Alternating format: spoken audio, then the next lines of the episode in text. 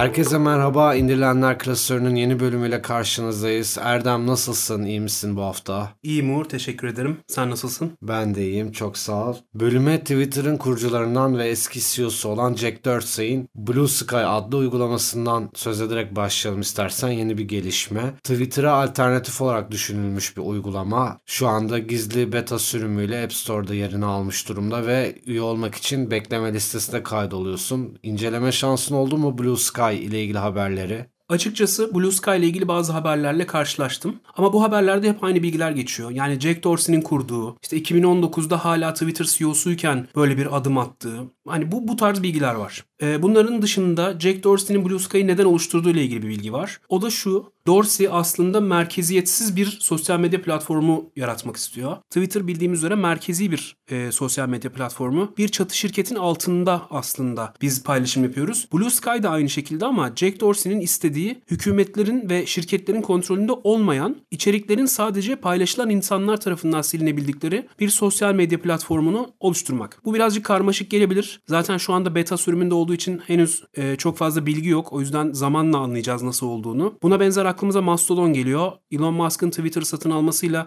bir anda popülerleşmişti. Merkeziyetsiz bir Twitter aslında Mastodon. Bunların dışında belki şundan bahsedebiliriz. Amerika'da konuşulan bir konu. Türkiye'de çok fazla duymuyoruz. Çünkü Türkiye menşeli bir sosyal medya platformumuz yok. Ekşi Sözlük dışında öyle popüler bir sosyal medya platformumuz yok. Ee, Amerika'da konuşulan mevzulardan biri şu. Medya şirketi ve sosyal medya platformu arasındaki fark. Medya şirketi olduğunuz zaman yayınlanan her şeyden sorumlu oluyorsunuz. Ama sosyal medya platformu olduğunuz zaman o sorumluluk kullanıcılarla paylaşılıyor. Bunu hukukçu arkadaşlar çok daha iyi aslında açıklayabilirler diye düşünüyorum. En azından ben böyle değinmiş olayım. Şu anda Blue Sky beta versiyonuyla kullanıcıların karşısına çıktı. Senin de değindiğin gibi. Ben Blue Sky'ın en azından ilk etapta çok başarılı bir çıkış yapabileceğini düşünmüyorum. Ee, belki başta insanlar merakla hareket edeceklerdir ama Twitter yerleşmiş bir platform olarak bir adım daha önde. Çünkü bu da konuşuluyor. Twitter'a rakip olacak mı diye. Ki Mastodon'un da böyle konuşulduğunu görmüştük ama ne kadar ilerleyebildi o da aslında meçhul.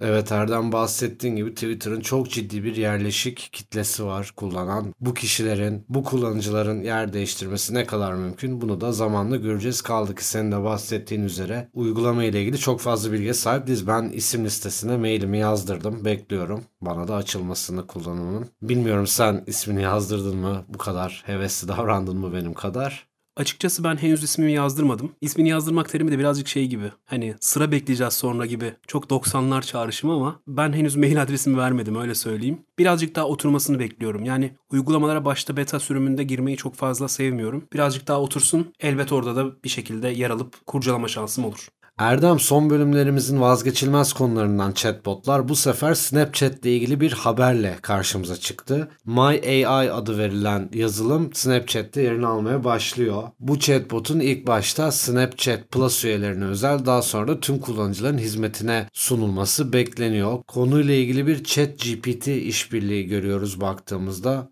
Bu konuyu biraz daha değerlendirelim bakalım istersen içeriğine. Evet, yine bir chatbot'tan bahsediyoruz. Yine bir ChatGPT uygulamasından bahsediyoruz. Artık ben birazcık sıkıldım bu işten. Sürekli ChatGPT konuşuyoruz. Tamam, çok güzel uygulamalar var ama birazcık da bunun furya olduğunu farkına varmamız lazım. Şimdi teknoloji dünyası Snapchat'in My AI'ından bahsediyor. Haberlere bakıyorum My AI neler yapabiliyor diye. Yani e, öne çıkan özellikleri birazcık Bixby ve Siri'nin yapabildiği şeyler. Yani etkinlik planlayabiliyor, size yemek tarifi verebiliyor vesaire vesaire. Tamam bu da çok gelişecek. Bununla ilgili de bir problem yok ama çok çok önemli bir şey gibi de görünmüyor bana. O yüzden bilmiyorum ne kadar gerekli bunu sorgulamak lazım. Bir furyanın peşinde daha önce Metaverse ile ilgili şeyleri dinledik. Chatbotlarla ilgili daha önce özellikle bankacılık sektöründe yapılan uygulamaları dinledik. Şimdi ChatGPT'nin her yere entegre edilmesini görüyoruz. Yani bazen basitin güzel olduğunu algılamamız ve bence bu konuları kapatmamız gerekiyor diye düşünüyorum. Bilmiyorum sen ne diyeceksin? Yani Snapchat'in şöyle bir özelliği var hikaye olarak bildiğimiz storylerin atası diyebiliriz. Hani Instagram'a gelmesine, storylerin Instagram'a gelmesine vesile olan yazılımdır, uygulamadır Snapchat. Aynı şekilde filtre kullanım yine Snapchat'le yaygınlaştı. O meşhur köpek filtresinden bu yana sayısız filtreler gördük. Instagram yani Meta tarafı da kendi filtrelerini esinlenerek daha sonrasında yaptı vesaire. Yine bir önce olur mu? Ben bunu düşünüyorum. Şöyle yani yarın Instagram'da, haftaya Facebook'ta, öbür haftada Twitter'da chatbot görür müyüz? Ben de bunu düşünüyorum. Bunu düşündürüyor bana bu süreç. Yani muhtemelen görürüz ama bu chatbotları ne kadar kullanırız? Bence birazcık onu düşünmek lazım. Bilmiyorum Erdem kullanır mıyız? biz veya Z kuşağı. Z kuşağında artan bir özellik olarak sesli aramalar çok gündemde yapılıyor. İstatistikler bunu veriyor bize. Chatbot kullanımı da nasıl olur, yaygın olur mu hep birlikte göreceğiz. Araçların dijitalleşmesi ve daha kişiselleştirilebilir özelliklere sahip olması son dönemde çok gördüğümüz bir şey Erdem. Ses özel bölümümüzde de otomobillerle ilgili konuştuğumuz konulardan biri de bunlardı. Volkswagen kendi uygulama mağazasını yani App Store'unu hizmete sunuyor. Böyle bir gelişme var. Bu haber bu haftanın en heyecan verici haberlerinden biriydi. Sosyal medyada da büyük ilgi gördü. Bu App Store'da da yani uygulama mağazasında da Spotify, Amazon Müzik, TikTok, Yelp gibi uygulamalar bulunacak. Ne düşünüyorsun bu konu hakkında? İndirilenler klasörünün dördüncü bölümünü ses fuarına ayırmıştık. O bölümde otomotivdeki yeniliklerden de bahsetmiştik. Hatta bazı markaların bazı modellerini de özellikle ele almıştık. O bölümde ele aldığımız bir başka önemli konu araçların bizi artık A noktasından B noktasına taşımaktan fazlasını yapmaya başladıklarıydı. Araçlar birer deneyim merkezine dönüşüyorlar demiştik. Aslında Volkswagen'in aldığı karar bu doğrultuda. Yani trendlere uygun bir karar. Ama ben yine bu ne kadar gerekli diye sormak istiyorum. Sebebi de şu. Aldığım herhangi bir cihazın, bir tabletin, bir telefonun, bir otomobilin içindeki bir yazılımın belli bir süre sonra yazılım güncellemesi almadığında, markalar desteğini çektiğinde kullanılamaz hale gelmesi beni çok kızdırıyor. Çünkü bir şeye para veriyorsunuz ve bir süre sonra kullanamaz hale geliyorsunuz. Şimdi otomobillerde bunu görmüyoruz ama ileride bunu göreceğiz. Çünkü dijital dünyayla yeni yeni entegre olmaya başladılar. Yani yarın bir gün çalışmayan otomobiller görmemiz ya da bazı özellikleri çalışmayan otomobiller görmemiz aslında çok olası. Ben bir otomobil modelinden bahsetmek istiyorum. Bir Volkswagen aracı. Aklımdaki e, düşünceyi size daha iyi aktarabileceğimi düşünüyorum o model üzerinden. Volkswagen'in Up adlı bir modeli var. Türkiye'de satışa çıkmadı. Bununla ilgili çeşitli söylentiler var. Volkswagen'in premium imajını koruyamayacağı, bununla daha e, düşük segmentte araç satacağı için daha kolay ulaşılabilir olacağı falan söyleniyordu. O konulara girmiyorum. Sadece değinmiş olayım daha sonra dinleyen dinleyicilerimiz için. Up şöyle bir araç. Çok küçük bir araç. Donanım olarak çok minimal donanıma sahip bir araç ve bir ekranı yok. Ekran olarak siz kendi cep telefonunuzu kullanıyorsunuz. Kendi cep telefonunuzu koyuyorsunuz. O gün güncel olan telefon neyse belli protokoller üzerinden aracın ses sistemini kullanabiliyorsunuz mesela. Böylelikle o ekran sürekli güncel kalıyor. Ama şimdi araçlarda şunu görüyoruz. Bir ekran var, içinde uygulamalar var. Ne kadar kullanabileceğimiz belli değil. Kaldı ki işin bir de Türkiye tarafı var. BTK diye bir kurum var biliyorsunuz. Bilgi Teknolojileri Kurumu. Yakın zamanda Twitter ve Ekşi Sözlüğü engellemesiyle gündeme gelmişti. Aslında yıllardır çeşitli engellemelerle konuşuyoruz. BTK 2019'da bir karar alarak araçlardaki bilgi ve eğlence sistemlerinin internete bağlantısını kesti. Sim kartlarla alakalı bir durum. İsteyen araştırabilir. Ama bu da şuna yol açtı. Para vererek aldığınız BMW, Mercedes ya da herhangi başka bir marka araçta internet bağlantısı olan bir sistemi kullanamıyorsunuz. Yani aracınızın bazı özelliklerinden ki insanlar şundan şikayetçiler. Uzaktan çalıştıramamak, uzaktan klimayı açamamak, işte e, sanıyorum bazı araçlarda navigasyon gibi bunları kullanamadığınız bir dünyaya geldi. Bu işin Türkiye tarafı. Bunu dünyada konuşmuyorlar. Bunu da sadece biz konuşuyoruz. Diyeyim ve sözü burada bırakayım. Erdem evet bu yeni uygulamalardan, uygulama mağazasından ve BTK'dan bahsederken ekşi sözlüğe 21 Şubat tarihinden beri giremiyoruz. Bir erişim engeli var. Bu kısa bir süreliğine kaldırılıp geri getirildi. Ankara 4. Sulh Ceza Mahkemesi tarafından kamu düzenini koruma gerekçesiyle kapatıldı ekşi sözlük. Yani erişimi kısıtlandı ki bu karara bile ekşi sözlük yönetiminin ulaşması günler almıştı. Uzun bir süre niçin kapatıldığını bilemedik biz de ekşi sözlüğün bu sebeple. Ardından 2 Mart tarihinde tekrar erişim açıldı ekşi sözlük. Çok kısa bir süre denk gelmeyi başardın mı Erdem o süreyi bilmiyorum.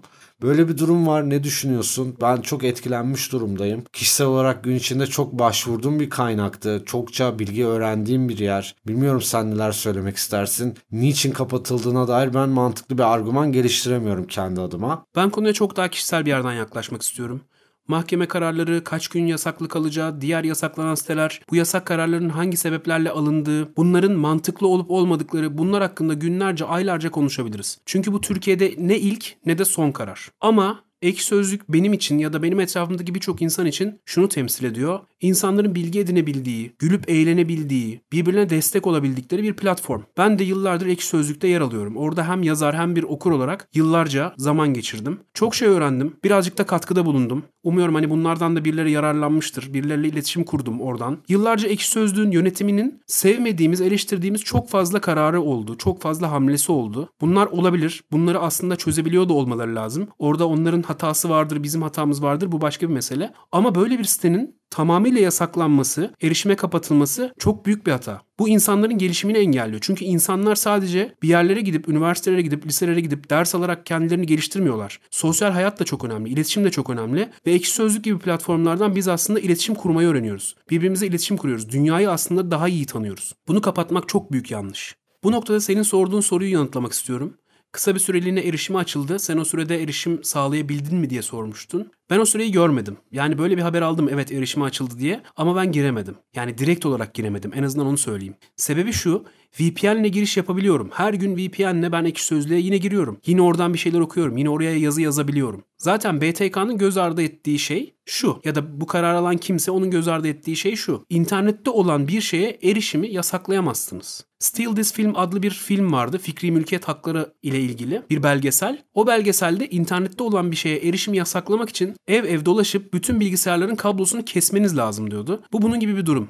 Yani biz bir şekilde ekşi sözlüğe erişiyoruz ve erişeceğiz. Tabii ki erişim sayısı düşmüştür o ayrı ama bu kararın herhangi bir mantığı yok. Yani nereye kadar sürdürülebilir bu? Bu bu kararı alanlar için de olumsuz. Çünkü siteleri engellediğinizde aslında siz kendi işinizi de ortadan kaldırmış oluyorsunuz. Türkiye'nin en büyük platformlarından bir tanesi ve şu an erişime kapalı. Ne kadar mantıklı? Yani gerekçe de çok ilginç. Kamu düzenini koruma. Yani normalde eski kapatmalarda benim hatırladığım belirli bir içerik paylaşılıyordu ve o olay oluyordu. O bahane gösteriliyordu diyeyim. Bu sefer öyle bir şey de olmadı. Tamamen prizden fişi çeker gibi çektiler. Biz de bekliyoruz hala açılmasını. Dediğin gibi belirli yöntemlerle tabii ki de girebiliyoruz. Ama yine de bu geciktirici unsura, engelleyici tavra bence gerek yok yani. Çünkü amacımız bilgi almak ya da yazar olup bilgi vermek. Bakalım önümüzdeki günler neler gösterecek bu konuyla ilgili.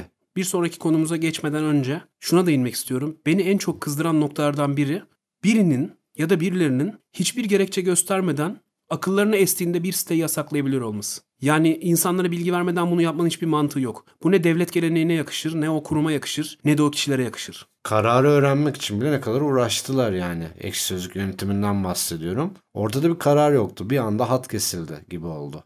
Biraz nostaljik bir konuyla devam edelim Erdem. Nokia logo değiştirdi. Çocukluğumuzun efsanesi daha doğrusu gençliğimizin efsanesi mi demeliyim bilmiyorum bu noktada. Ne düşünüyorsun yeni logo ile ilgili? Görenler olmuştur dinleyicilerimizden de. İnovatif bir davranış sergilediler. Senin yorumlarını merak ediyorum. Nokia ilk kez logo değiştirmiyor. Bu Nokia'nın 6. logosu. Nokia logoları diye yazdığınızda internette karşınıza çıkacaktır. Bu aslında şirketin evriminin bir parçası. Zaten şu anda da bir design trendi var. Hepimiz biliyoruz. Yakın zamanda bazı markalar, e, benim aklıma gelen şu anda Peugeot ve Volkswagen var. Logolarını değiştirerek yeni nesle daha fazla insana ulaşmaya çalışıyorlar. Bunlar çok normal. Nokia zaten bizim cep telefonlarıyla ve akıllı telefonlarıyla bildiğimiz bir marka. Hatta cep telefonu piyasasından çekilmesiyle birlikte en azından Türkiye'de çekilmesiyle birlikte acaba battı mı diye düşünülmüştü. Aslında Nokia batmadı. Nokia 1856'da kurulmuş bir şirket. Kağıt hamurundan tuğlaya, lastik çizmeden televizyona, cep telefonlarına pek çok şey üreten bir şirket aslında. Hala da yoluna devam ediyor. Şu anda da sanıyorum en aktif olduğu konu 5G altyapısı. Bununla ilgili çeşitli sunumlar dinlemiştim. Böyle baktığınızda logo değiştirmesi çok normal.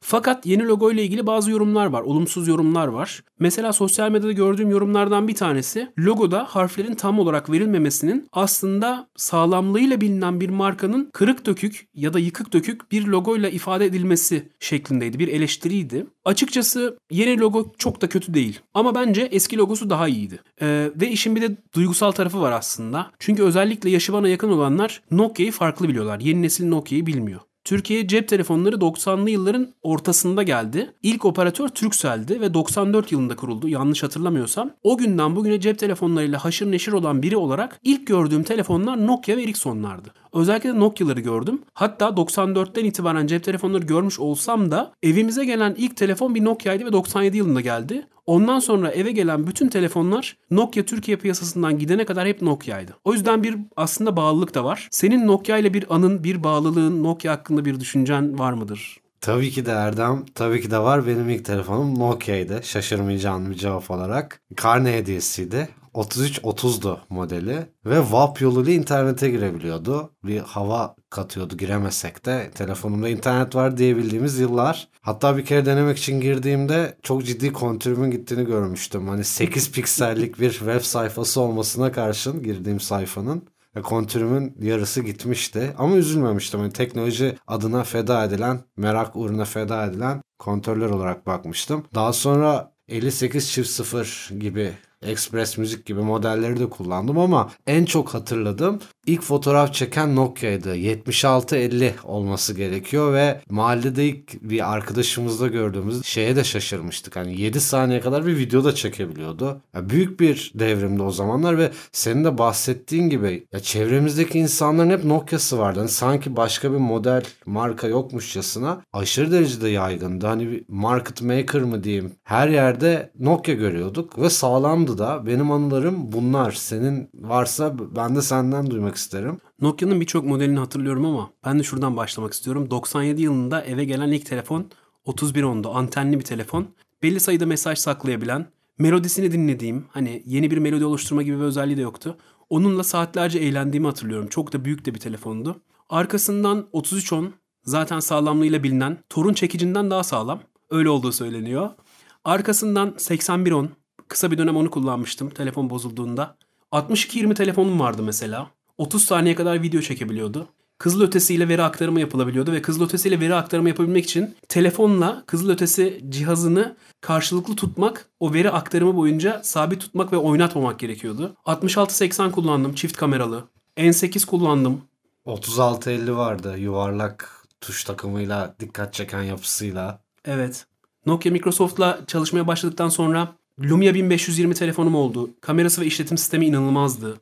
Evet haftanın epini tanıtmadan önce bir deprem ülkesi olduğumuzu da unutmayarak Erdem senin bir önerin vardı bu bölümle ilgili bahsetmek istediğin. Direkt olarak depremle ilgili değil ama depremle ilgili araştırdığımız bazı konularda bize bilgi sağlayabilecek bir web sitesinden bahsetmek istiyorum. İstanbul Büyükşehir Belediyesi tarafından hazırlanan şehir haritası. Bu web sitesine şehirharitası.ibb.gov.tr adresinden ulaşabiliyorsunuz. Burada İstanbul haritaları var. Ama güncel bir harita değil. Yani güncel haritayı da görebiliyorsunuz. Evet zaten bunlara Google üzerinden, Apple, Yandex üzerinden çeşitli platformlardan ulaşabiliyoruz. Ama burada olan şey, bu siteyi değerli kılan şey tematik haritalar. Yani mesela bu siteye girip İstanbul'da kent lokantalarının, pazar yerlerinin nerelerde olduğunu görebiliyorsunuz mesela. Raylı sistemlerin nerelerden geçtiğini görebiliyorsunuz. Nüfusa göre ilçeleri, nüfus yoğunluklarını görebiliyorsunuz. Çeşitli böyle bilgileri alabileceğiniz bir site. Ama benim en çok dikkatimi çeken kısım arşiv kısmı. Arşiv kısmında 1946, 66, 70'ler, 80'ler, 2000'ler, 2010'larda çekilmiş uydu görüntüleri var. Ve ben mesela kendi şu anda oturduğum mahalleye yukarıdan baktım. Ama benim anlamadığım şey şu. Neden baktığımı da söyleyeyim önce. Şu anda oturduğum binanın kaç yılında yapıldığını tespit etmeye çalıştım. Çünkü bir kiracı olarak elimde böyle bir bilgi yok. Sanıyorum 1982'den sonra yapılmış. O da görüntünün netliğiyle alakalı. Çok da belirleyemedim. Ama sana sorum şu. 1946 ve 66'da o mesafeden, o yükseklikten nasıl fotoğraf çektiler sence? Yani uydudan diyeceğim ama uydu ISS ne zaman? 90'larda sanırım. Sputnik sanırım 50'lerde. Yani herhalde uçaktan çektiler diyeceğim. Merceği nasıl ayarladılar? Hareket halindesin. Helikopter olabilir belki o sabit durabiliyor. Onda da titreşim var. Yani bunu şu an cevaplayamadım açıkçası. Sen ne olduğunu düşünüyorsun? Ben gerçekten bulamıyorum şu anda ama tahminim böyle bir uçan teyyare gibi. Yani o, o dönemin bir vasıtasıyladır herhalde. Yani öyle düşünüyorum. Yani bilmiyorum ben de bu soruya cevap verebilmiş değilim. Bizi dinleyenler bu siteye girip bakıp oradaki o fotoğrafların o döneme göre bile çok net olduğunu görüp bize yazabilirler mi acaba? Bu arada ben de İBB'ye şahsen teşekkür etmek isterim. Sayende ben uygulamaya baktığımda daha doğrusu web sitesine baktığımda gerçekten birçok özellik görüyorum. Birçok araştırmacının, meraklı kişinin kendine göre birçok bilgi çıkarabileceğini buradan düşünüyorum. Haftanın hepinde özellikle sosyal medya ya da dijital medya tarafında çalışanların inanılmaz derecede işine yarayacak hatta içindeki tasarımcıyı ortaya çıkaracak bir uygulama var diyebiliriz. Çünkü Canva Mobile gerçekten inanılmaz pratik ve işlevsel bir uygulama. Canva aslında ilk olarak bir web sitesi olarak vardı. Online olarak tarayıcı üzerinden tasarım yapılıyordu ilk yıllarında. Daha sonra mobil uygulama olarak da piyasaya sürüldü. Canva'da neler yapabiliyorsunuz? İstediğiniz istediğiniz ölçülere göre statik ya da hareketli görseller oluşturmanıza olanak tanıyor Canva. GIF yapabiliyorsunuz, sunum dosyası hazırlayabiliyorsunuz, video kesebiliyorsunuz belirli bir boyuta kadar 250 MB yüksekliğe kadar video kabul edebiliyor Canva ve siz farkında olmadan dosyalarınızı, tasarımlarınızı yedeklemek açısından çok faydalı bir bulut hizmeti de veriyor size bir yandan. Ölçüler konusunda size yardımcı olan bir arayüzü var. Örneğin siz Instagram gönderisi ya da TikTok videosu olarak seçim yaptığınızda size bu ölçülerle bir template veriyor ve siz onun üzerine tasarımınızı yapıyorsunuz. Yani ölçülerin hepsini ezberinizde bilmenize de gerek yok. Böyle kullanışlı bir uygulama. Senin kullanma fırsatın oldu mu Erdem? Hiç günlük hayatında ya da iş gereği Canva ile bir haşır neşir olma durumun oldu mu? Canva Mobile'i kullanmadım ama web sitesi üzerinden kullandım. Şimdi bazen bazı uygulamalar basit kaçıyor, bazı uygulamalar çok gelişkin. Bazı işleri yapmak için aslında çok da bu gelişkin uygulamalara ihtiyacımız olmuyor. Canva çok hızlı sonuç alabildiğimiz bir uygulama olduğu için bazı durumlarda Photoshop'un o kadar özelliğinin arasında boğulmadan iş çıkarmamıza yardımcı oluyor. Ben özellikle YouTube thumbnail'larında kullanıyorum. Bazı sosyal medya postlarında kullanıyorum. Tabii benim sosyal medya postlarında bunu kullanmam senin kullanman kadar değil. Ben çok uzağım. Yani benimki çok amatör kalıyor senin kullanımının yanında. Ama güzel. Yani hızlı iş yapmamı sağlıyor. Yani konuştukça benim de aklıma gelen bazı özellikleri de ekip olarak da çalışmaya uygun olabilmesi. Hani ben seni ekibime eklediğimde aynı tasarımı birlikte notlar düşerek ya da konuşarak aynı tasarımı güncelleyebiliyoruz. Bulut altyapısını çok beğeniyorum Canva'nın. Yani bilgisayardan yaptığınız bir tasarımı gün içinde veya başka bir gün telefonunuzdan düzenleyip yayına hazır hale getirebiliyorsunuz. Premium özelliklerinden bahsetmek gerekirse birçok stok fotoğrafı kullanmanıza ve özel daha böyle kaliteli ikonları, vektörleri kullanmanıza olanak tanıyor. Çıktı almada da az önce bahsettiğim gibi PDF formatında çıktı almanız, JPEG, PNG, SVG hatta vektör formatında çıktılar alabiliyorsunuz. Daha detaylı bahsetmiş olayım. Uğur teşekkür ediyorum. Bu bölümden sonra ben de Canva Mobile indireceğim. Özellikle günlük sosyal medya postlarının hazırlanmasında bu kadar hızlı olduğunu gördükten, öğrendikten sonra, senden öğrendikten sonra ben de kullanmak istedim. Evet bölümümüzün sonuna geldik. Ben Uğur Mutlu, Erdem Akın Temel'le yine birlikteydik bugün. Kendinize çok iyi bakın. Hoşçakalın. Hoşçakalın.